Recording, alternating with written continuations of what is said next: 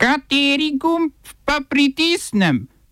Tisti, na katerem piše OF. Oproščeni morilci Breune Taylor. Evropska komisija predstavila predlog novega migracijskega pakta. V Kamerunu med protivladnimi protesti ubit novinar. V petem protikronskem svežnju tudi temeljni osebni dohodek za samozaposlene. V kulturnih novicah pa Programski načrti plesnega teatra Ljubljana in zavoda En Knap.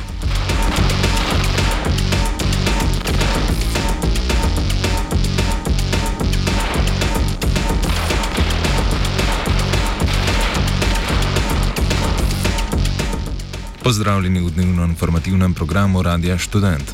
Porota v zvezdni državi Kentucky je večinoma oprostila tri policiste, ki so marca odbrali v stanovanje Brione Taylor in njenega zaročenca Kenneta Walkerja, nje ubili, njega pa ranili in aretirali. Policisti so po pomoti vdrli v stanovanje med iskanjem preprodajalca z mamili, ki ni nikoli živel na tem naslovu in je bil medtem že v priporu. Ob udaru je Walker streljal na policiste, saj je mislil, da gre za ulomilce, ti pa so na to streljali nazaj. Po mnenju porote je šlo pa za policijsko napako in ne napačno ravnanje policistov, zato so dva od obtožencev povsem oprostili, tretjega pa obtožili nevarnega ravnanja s streljnim orožjem, a le zaradi nabojev, ki so končali v sosednjem stanovanju in bi tam lahko koga ranili. Oprostilna sodba je počgala nov val protestov, v katerih sta že bila ranjena tudi dva policista in več protestnikov.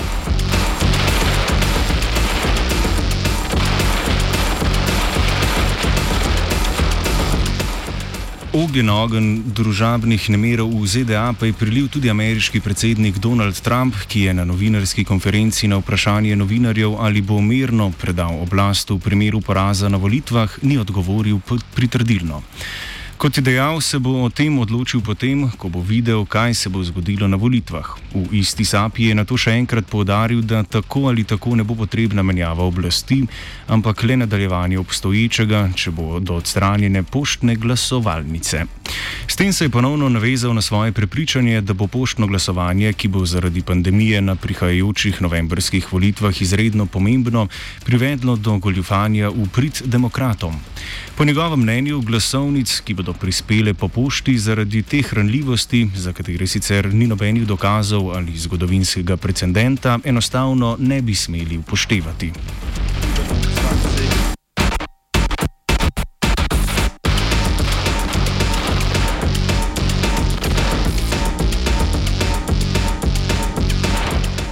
Prvi mož Ljudske republike Kitajske Xi Jinping pa je v videoklicu na zasedanju Generalne skupščine Združenih narodov napovedal, da bo Kitajska do leta 2060 posebej.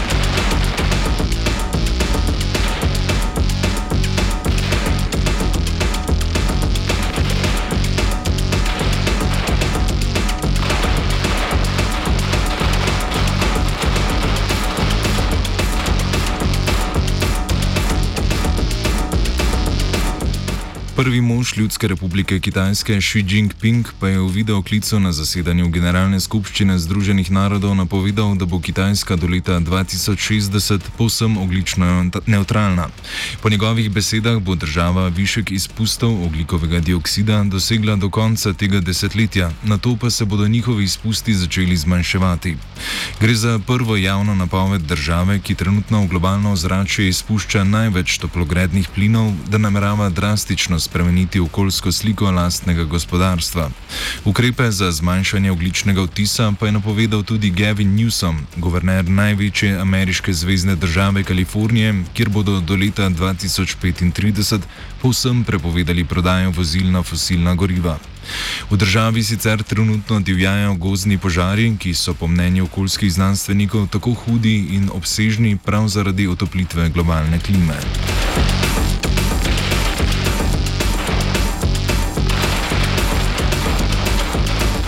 V Kamerunu so vladne sile med nasilnim zatrtjem protivladnih protestov ranile več ljudi in ubile eno osebo. Policija je pretepla in aretirala več opozicijskih politikov in novinarjev, ki naj bi kritizirali vlado predsednika Pavla Bijaja.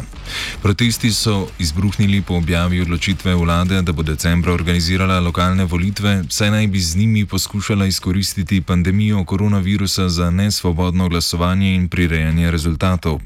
Poleg odstopa predsednika in volilne reforme, protestniki zahtevajo tudi ustavitev nasilja na zahodu države, kjer že od leta 2016 divja državljanska vojna med vladnimi silami in aglofonskimi separatisti, ki želijo ustanoviti lastno angliško govorečo državo Ambazonijo.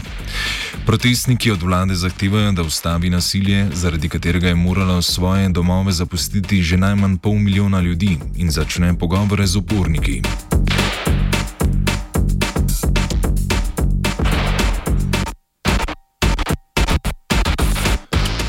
Evropska komisija je predstavila nov predlog za migracijski in azilni pakt, s katerim želijo izboljšati sistem premeščanja, vključevanja in vračanja prosilcev za azil, ki prispejo na območje držav članic Unije.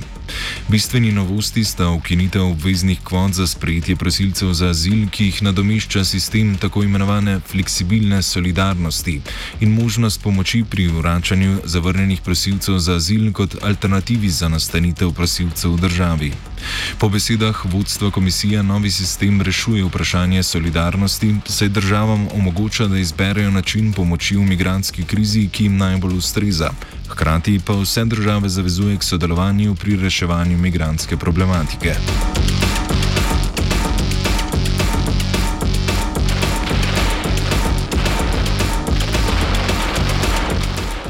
Države bodo lahko sprejele prosilce za azil v sklopu sistema premeščanja, pomagale pri vračanju zavrnjenih prosilcev v izvorne države ali nudile podporno pomoč za izboljšanje azilnih sistemov. Predlog je nekakšna srednja pot med obvezno solidarnostjo, ki vključuje obvezno sprejemanje prosilcev za azil, in prostovoljno solidarnostjo, v sklopu katere vsaka država posamezno odloča o tem, kako bo sodelovala v sistemu. Po mnenju nevladnih dobrodelnih organizacij, ki se ukvarjajo z migransko problematiko v Evropi, je komisija s predlogom ugodila zahtevam držav, kot sta Poljska in Mačarska, katerih edini cilj naj bi bil zmanjšanje števila beguncev, ki jih sprejmejo države članice Evropske unije.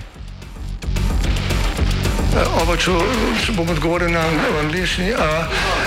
Slovenija will try to help. Uh, We can Slovenija will uh, and we will do our utmost to say that the situation is, our problem ourselves. and uh, We will uh, make further steps as soon as the conditions are bomo vlado Marjana Cererja, Mira, eh, Marjana Cererja Šarca podprli. we're very, very serious.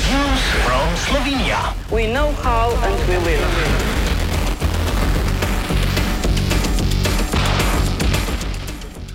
Urad Republike Slovenije za makroekonomske analize in razvoj je objavil nove ocene gospodarskega stanja v Sloveniji v prihodnih letih. V njih so nekoliko omilili črnoglede poletne napovedi o 7,6 odstotnem upadu bruto domačega proizvoda letos. Po novih ocenah naj bi se kazalci BDP znižali za 6,7 odstotka, že naslednje leto pa naj bi gospodarstvo ponovno začelo rasti. Leta 2021 naj bi dosegli več kot 5 odstotno rast, do leta 2022 pa se bo gospodarska aktivnost po napovedi Umarja povrnila na raven iz začetka letošnjega leta. Na negativne napovedi so po pričakovanjih najbolj vplivali izpadi storitvenih dejavnosti in upad izvoza, ki je letos za dobrih 12 odstotkov manjši kot v enakem obdobju lani.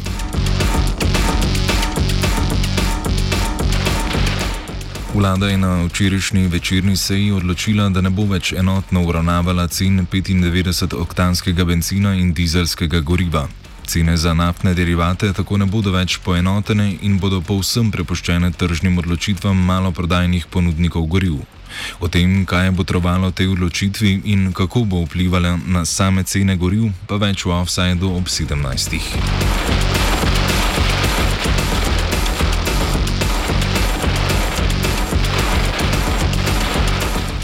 Ministr za delo, družino, socialne zadeve in enake možnosti Janez Cigler Kralj je na novinarski konferenci predstavil svežen novih ukrepov za pomoč gospodarstvu, ki jih je včeraj sprejela vlada. V sklopu svežnja se uvaja nova pomoč samozaposlenim in najmanjšim podjetjem v obliki temeljnega mesečnega dohodka, ki bo znašal do 1100 evrov mesečno. Do dohodka bodo upravičeni vsi tisti samozaposleni, katerih letni dohodki so se v letošnjem letu zmanjšali vsaj za 30 odstotkov v primerjavi z enakim obdobjem lani. Enak pogoj, namreč vsaj 30 odstotni izpad prometa, pa je vlada postavila podjetjem, ki želijo, da država financira čakanje njihovih zaposlenih na delo. Pri tem so se morala podjetja dokazovati le 10 odstotni izpad. Poleg omenjenih ukrepov je vlada odobrila tudi nove ukrepe za reševanje čakalnih vrst v zdravstvu, ki predvidevajo, da bodo na razpisih za upravljanje zdravstvenih storitev, ki se financirajo iz državne zdravstvene blagajne, lahko sodelovali prav vsi ponudniki zdravstvenih storitev, tudi zasebni.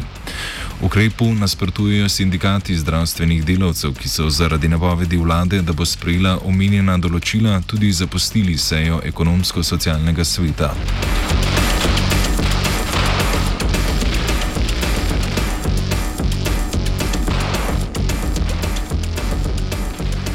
Of je silirala koruza.